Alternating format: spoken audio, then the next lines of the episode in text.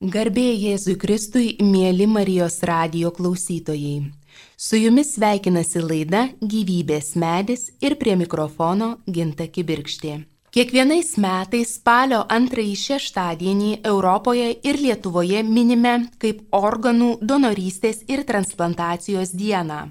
Šiais metais spalio 9 dieną, šeštadienį, taip pat kitomis dienomis, Lietuvoje vyks renginiai skirti šiai dienai paminėti, organų donorams pagerbti ir kartu pamastyti apie donorystę, transplantaciją bei savo sprendimą dėl organų donorystės. Apie tai šiandien laidoje kalbėsime su Lietuvos asociacijos gyvastis prezidente Aušra Degutyte. Garbė Jėzui Kristui Aušra.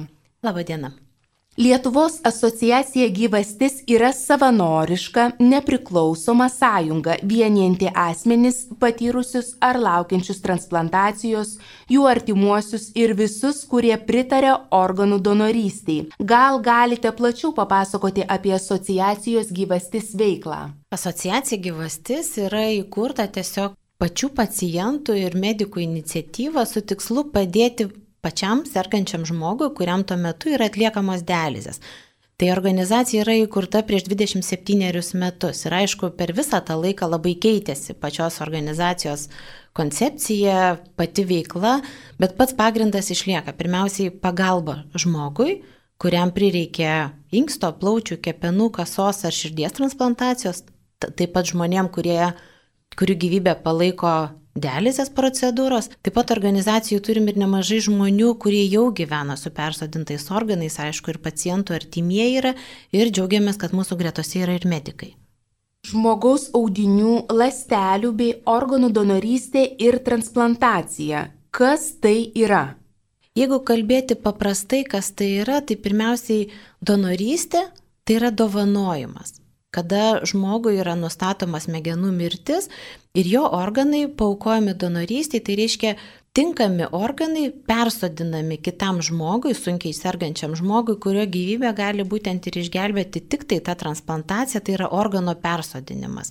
Aišku, yra dvi donorystės rūšis, tai gyvoji donorystė, kada inkstą arba dalį kepenų galima paukoti esant gyvam, bet tik tai giminystės ryšiai susijusiam žmogui. Tai reiškia, vaikai, tėvai, broliai, seseris, tėtos, močiutės gali va šitai paukoti. Aišku, dar yra, kad vyras žmonai arba žmona vyrui gali paukoti. Bet tokiu atveju Lietuvoje jų nėra tiek daug ir, ir tikrai didžioji dauguma donorysės atveju būtent ir įvyksta, kada mirusio žmogaus organai yra persodinami kitam žmogui.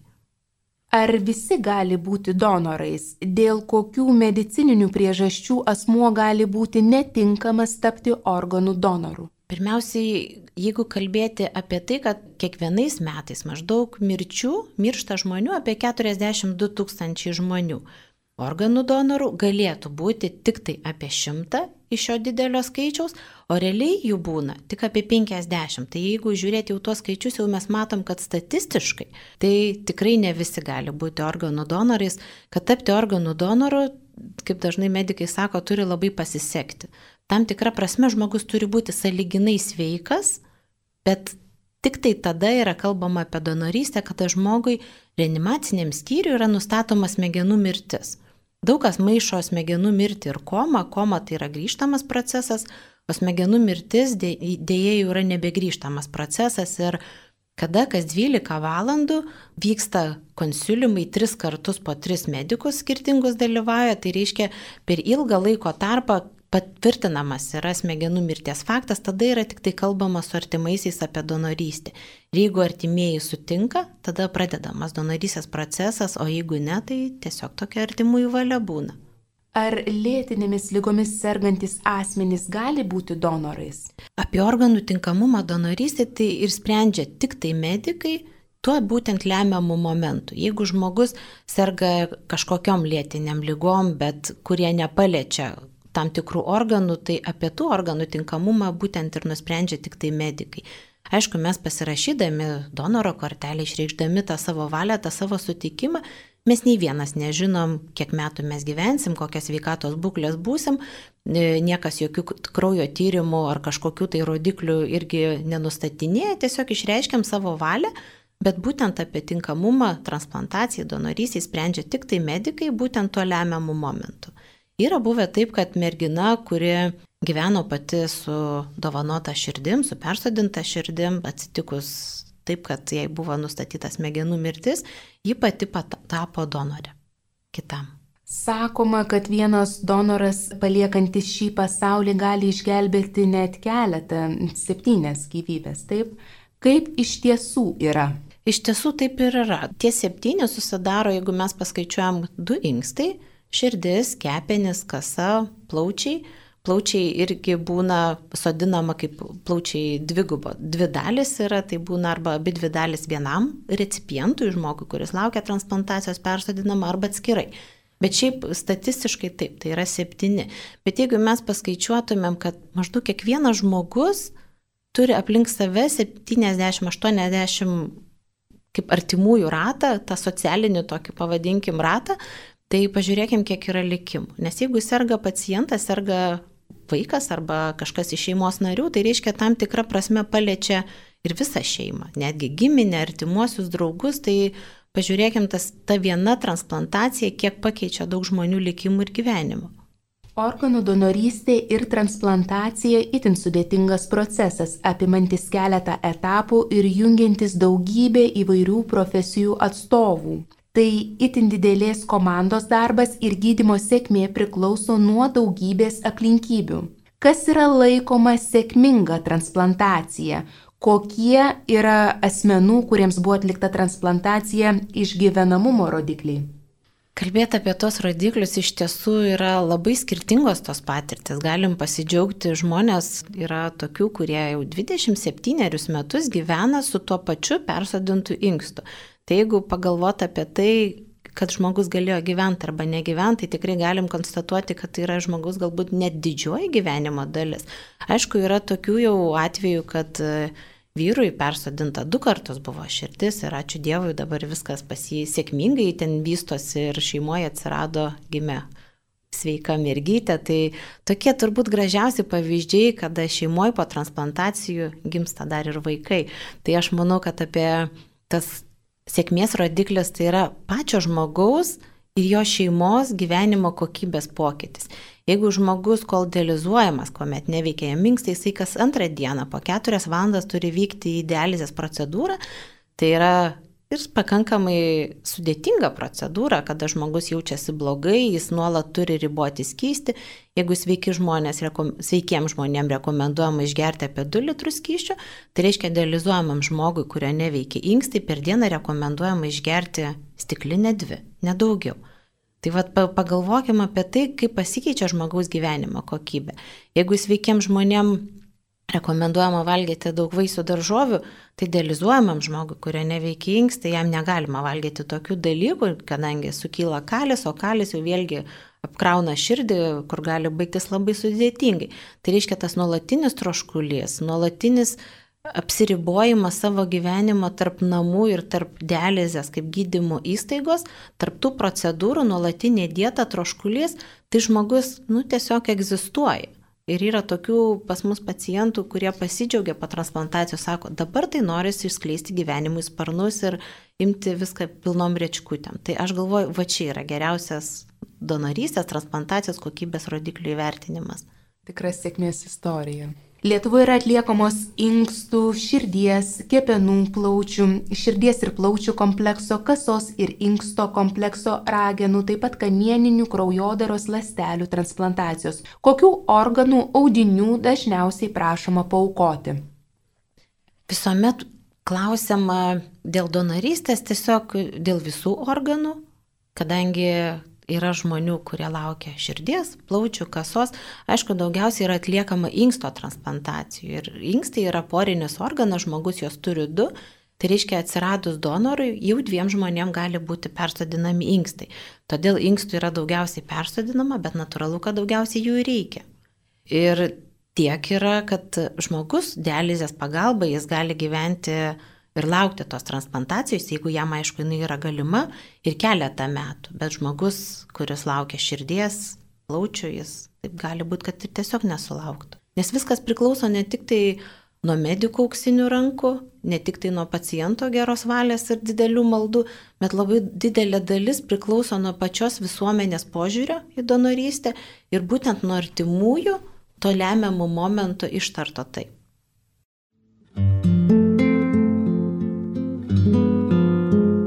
Jūs girdite Marijos radiją.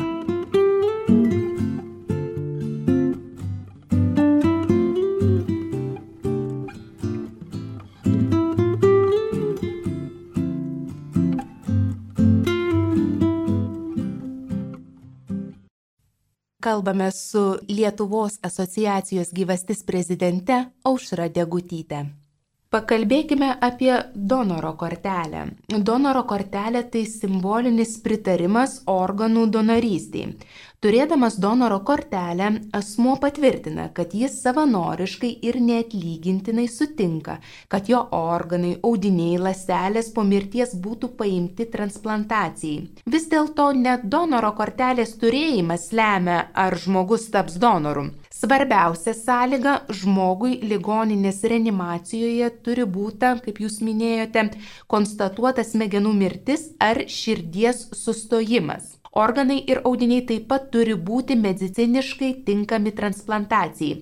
Gal galite plačiau pakomentuoti šią svarbiausią sąlygą? Tikrai taip, jeigu šiai dienai donorystės kortelę, tą pritarimą donorystė išreiškia daugiau negu 37 tūkstančiai Lietuvos piliečių, tai iš jų tik tai gal 3 ar 4 patapo tais efektyviais organų donorais, kurių organai buvo paukoti donorystė ir atliktos transplantacijos sergantiems žmonėm. Bet būna taip, kad žmogus, kad ir turėjo donoro kortelę, artimieji užprieštarauja, pasako ne ir tada donorysės procesas tiesiog nutrūksta. Todėl mes kaip asociacija gyvastis tiesiog labai skatinam būtent pokalbį šeimoje. Nes vad kaip ir jūs labai gražiai paminėjote, ne donoro kortelės turėjimas apsprendžia, ar žmogus taps organų donoru ar ne. Jeigu jau atsitinka nelaimė, tai tiesiog norisi, kad tą sprendimą apie donorystę tiesiog žinotų artimieji, todėl tas pokalbis tiesiog palengvintų apsisprendimą. Ar pasitaiko atveju, kai mirusiojo artimieji nesutinka su organų donoriste, nepaisydami to, kad miręs žmogus turėjo organų donoro kortelę? Kaip jūs minėjote, skaičiai iš tikrųjų yra netokie ir dideli, netgi maži. Ir ar pasitaiko ir dar ir tokių atvejų? Taip, tokiu atveju pasitaiko ir, kaip aš sakau, artimieji mirties va tuo momentu, sužinodami apie artimą brangaus žmogaus netekti, natūralu, kad yra pasimetimas, yra neigimas, yra piktis, yra nesupratimas. Ir viena iš tų atsisakymo priežasčių, maždaug 30 procentų, vad kiek donorų artimieji atsisako to lemiamų momentų, būtent ir yra ta, kad nežinojo, ką apie tai galvojo jų miręs brangus artimas žmogus, neskaitant to, kad jis ir turėjo tą donoro kortelę. Todėl mes būtent vat ir skatinam tą pokalbį šeimoje. Aš galvoju, net ir šiandien radio laidos klausytojai išgirdę šią laidą gali tiesiog pasikalbėti, ką jie apie tai galvoja. Net ir nepritarimas donorystiai lygiai taip pat yra gerbtina nuomonė ir, ir būtų tiesiog artimiesiam lengviau tuo momentu, lemiamų momentų pasakyti tą sprendimą taip arba ne. Natūralu, kad jeigu pakalbėt apie vyresnio amžiaus žmonės, kad daug kas jau parašę testamentą būna, padalinę teoriškai ar praktiškai savo turimą užgyventą viso gyvenimo turtą, dažnai pakalba apie įkapių rūbus, susiplanavę laidutuvės, nu tiesiog aš kalbu taip, kaip e, girdžiu iš vyresnio amžiaus žmonių, kalbant su močiutėm.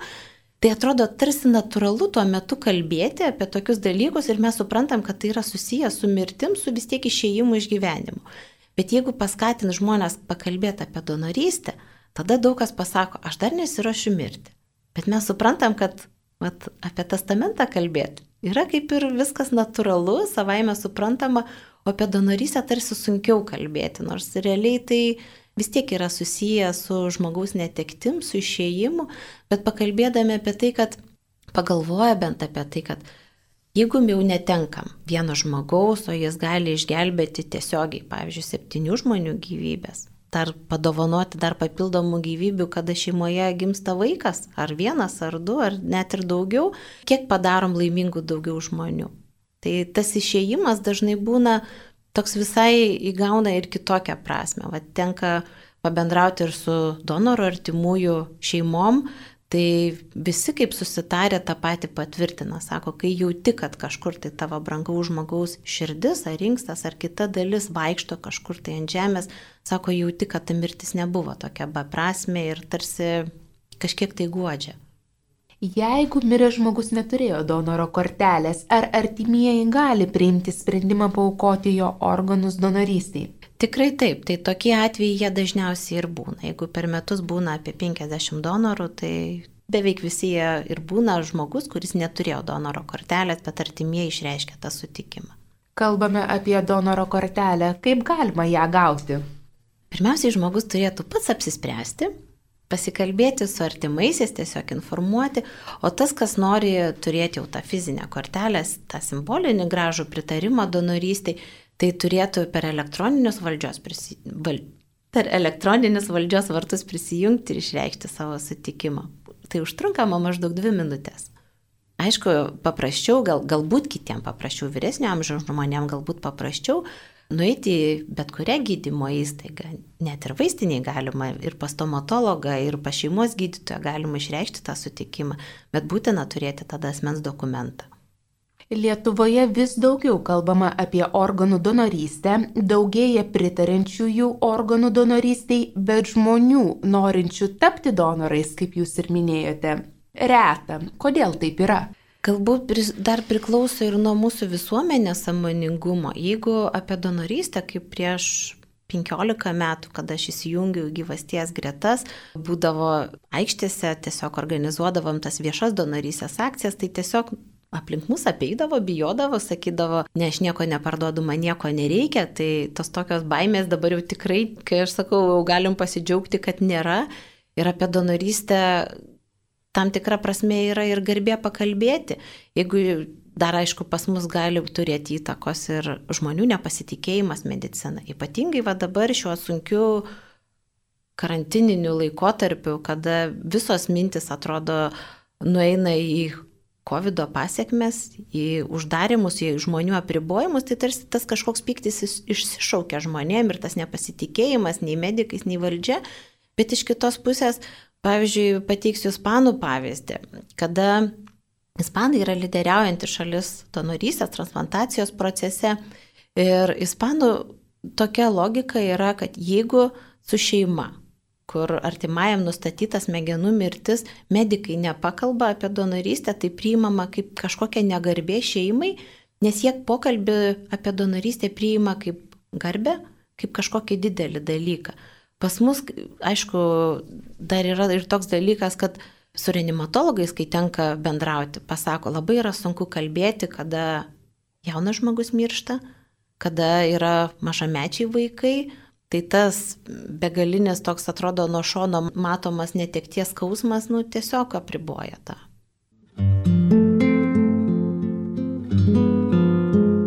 Jūs girdite Marijos radiją.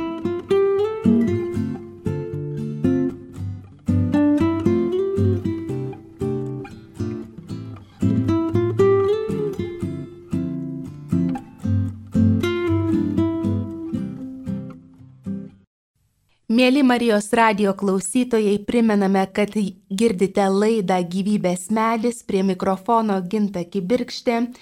Šiandien kalbame apie donorystę, jos svarbą su Lietuvos asociacijos gyvastis prezidente Aušra Degutyte. Donorystės veikla, kaip jūs minėjote, yra apipinta įvairių interpretacijų, ją gaubė mitai. Kokias žmonių baimės tenka dažniausiai išgirsti, kai kalbate apie organų donorystę?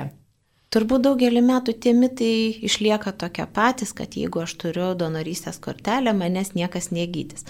Iš tiesų taip nėra, nes e, jeigu žmogui atsitinka bėda, trauma, kažkokia nelaimė, bet kokiu atveju jis tengiasi gydyti, medikai žiūri kaip į savo pacientą.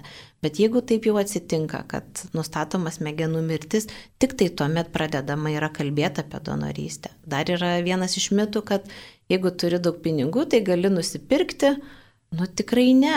Čia nėra tas pats, kaip man nusipirkti savo dydžio norimos spalvos suknelę. Pirmiausiai, turi labai daug atitikti rodiklių. Ir, ir vat, aš dažnai tada mėgstu užduoti klausimą, bet kam mokėtumėt pinigus? Ar donoro artimiesiam, kad jie sutiktų? Ar medikam?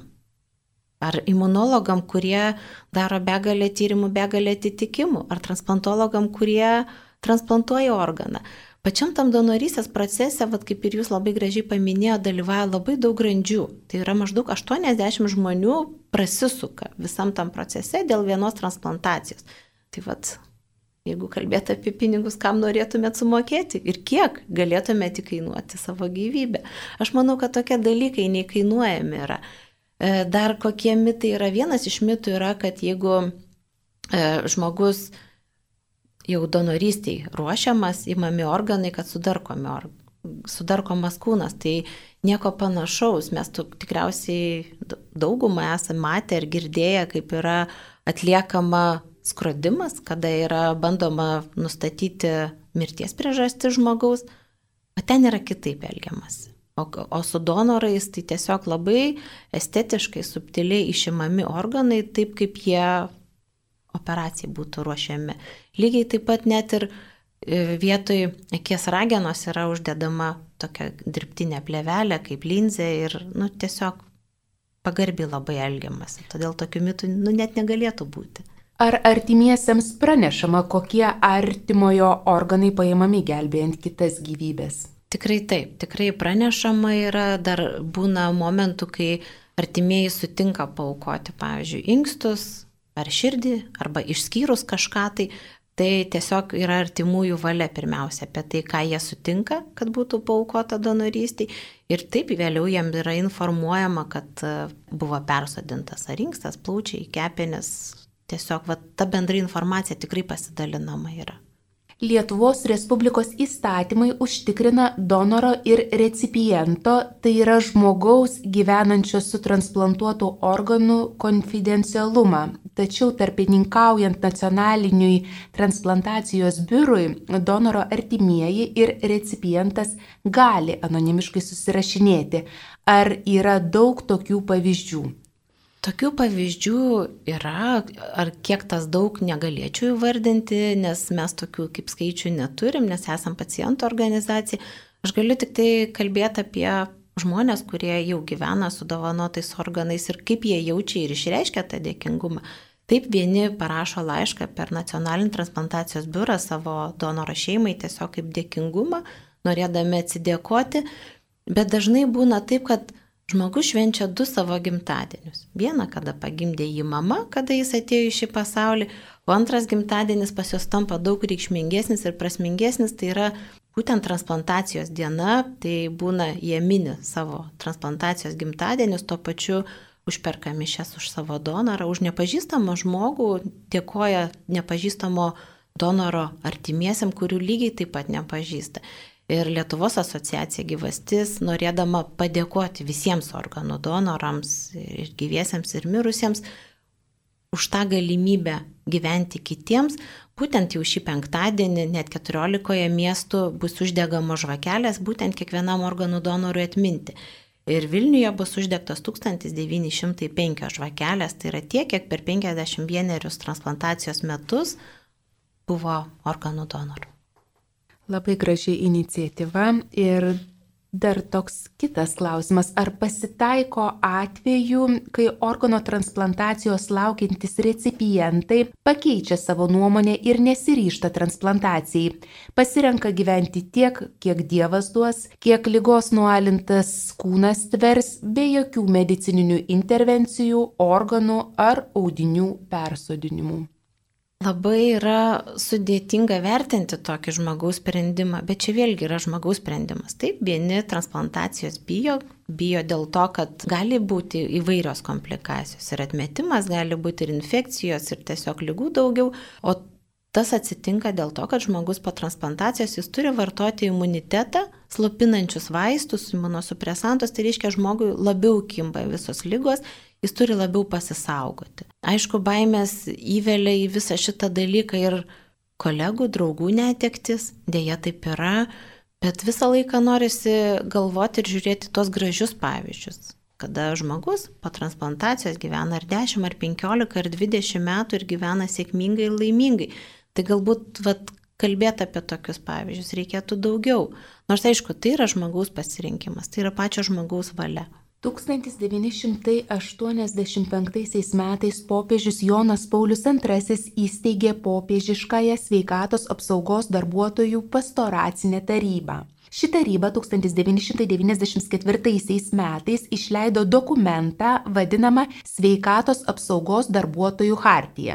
2017 metais popiežius Pranciškus pristatė atnaujintą šio dokumento variantą. Būtent šiame dokumente galima susipažinti su katalikų bažnyčios mokymu apie organų donorystę ir transplantaciją. Tai aš paminėsiu, sveikatos apsaugos darbuotojų hartijoje teigiama, kad persodinimo prielaida yra iš ankstinis, savanoriškas ir samoningas donoro arba teisėtai jam atstovaujančio asmens, dažniausiai jo artimiausių giminaičių apsisprendimas. Tai yra ryštas dovanoti be jokio užmokesčio, kurią nors kūno dalį dėl kito žmogaus sveikatos ir gerovės. 2018 metais Seime Seimo nario Mykolo Majausko iniciatyva buvo svarstyta keisti galiojančią donorystės tvarką ir taikyti numanomo sutikimo donorystės modelį. Tai reiškia, kad asmuo laikomas sutinkančių būti donoru, nebent būdamas gyvas jis raštu išreiškė savo prieštaravimą arba po asmens mirties jo organų dovanojimui nepritarė artimieji. Katalikų bažnyčios požiūriu donorystė pirmiausia yra dovanojimo aktas, paremtas laisvu ir samoningu asmens apsisprendimu ir toks numanomo sutikimo modelis yra netinkamas. Ką jūs apie tai manote? Aišku, mes kalbėti apie numanomą donorysės modelį galim visada, bet reikia atsižvelgti ne tik tai į kitų šalių patirtį, bet reikia įvertinti ir mūsų pačios šalies žmonių tiesiog požiūrį. Jeigu ispanai, vad kaip ir minėjau, yra garbė, kada yra kalbama apie donorystę ir yra donorystės lyderiai, pas juos atsisakymas dėl donorystės yra labai mažas procentas. Pas mus Lietuvoje maždaug 10-15 metų tas rodiklis buvo apie 37 procentus, tai reiškia daugiau nei trečdalis donorų artimųjų atsisako dėl donorystės. Tai reiškia, mes turim dar kaip visuomenė paukti, pritarti ir įsisamoninti šitą dalyką. Taip, aš pritariu bažnyčiai, bažnyčios požiūriui, kad tai turi būti žmogus pirmiausiai savanoriškas apsisprendimas, bet neprimesta valia. Bet net ir tose šalise, kur yra numan, taikomas, numanomas donorystės modelis, yra klausiama artimųjų sutikimo. Ir jeigu jie paprieštarauja, vis tiek tas donorystės modelis nebeveikia, reiškia nutrūksta. Bet kad kalbėti apie tai reikia, tai taip, Nes yra kitiem daug paprasčiau, kada viskas vyksta tarsi automatu. Man su 18 metų, jau aš tarsi automatiškai, jeigu nepasakiau, nereiškia, aš pritariu donorystiai. Bet ar visiems tas priimtina? Kalbėti apie donorystę yra visada ir, ir svarbu, ir reikalinga, tik tai ar ta primesta valia, ar numanomas donorystės modelis Lietuvoje jis būtų tinkamas, nemanau. Prieš keletą metų, kada buvo uh, gerbiamo Seimo nario iniciatyvą inicijuoti šį pakeitimą, aš labai gerai atsimenu, kiek buvo daug tokio priešiškumo. Ir tai nebuvo padidėjęs žmonių išreiškimas, pritarimas donorystėje. Tai buvo labai, netgi procentaliai daug žmonių atsisakė būtent donorystės kortelės, kurie jau buvo anksčiau išreiškę valią už donorystę. Tai reiškia, tas prievartinis, primestinis variantas mūsų tautai galbūt nelabai tinka. Daug yra svarbiau, kada pats žmogus sąmoningai apsisprendžia, vad kaip ir jūs minėjote, bažnyčia pasisako už savanorišką dovanojimą, už savanorišką apsisprendimą. Tai aš manau, kad mes kaip žmonės, jeigu mes pritarėm, tai yra gerai. Tai neturėtų būti primesta kažkieno tai valia, kažkieno tai taisyklės, tai yra tiesiog žmogaus pačio apsisprendimas ir samoningumas. Lietuvos asociacijos gyvastis vardu dėkojame visiems pagalvojantiems apie organų donorystę. Aišku, begalinis dėkingumas reiškiamas organų donorų artimiesiam už jų sprendimą dovanojasi gyvybę ir tiesiog kviečiam pokalbiui šeimose, nes spalis yra organų donorystės mėno. Dėkoju Jums. Girdėjote Marijos radio laidą Gyvybės medis, kurioje kalbėjome su Lietuvos asociacijos gyvastis prezidente Aušra Degutytė. Bažnyčios požiūriu donorystė yra vertinga ir skatinama praktika. Popiežius Jonas Paulius II sakė, kad donorystė yra didžiausia žmogaus meilės išraiška žmogui. Tai didelės meilės išraiška, kurios esmė padovanoti gyvybę kitiems. Tad te būna šis dovanojimo aktas paremtas laisvu ir samoningu asmens apsisprendimu. Šį sekmadienį spalio 10 dieną įvairiose Lietuvos bažnyčiose bus aukojamos šventos mišios, kuriuose bus melžiamasi už organų donorus, žmonės gyvenančius su transplantuotų organų, gydytojus, įvairių profesijų atstovus, padedančius vykdyti šią veiklą ir tuos, kurie neteko artimojo ir sunkia akimirka prieėmė kilnų sprendimą padovanoti kitam galimybę gyventi. Tad kviečiame melstis kartu. Sudė.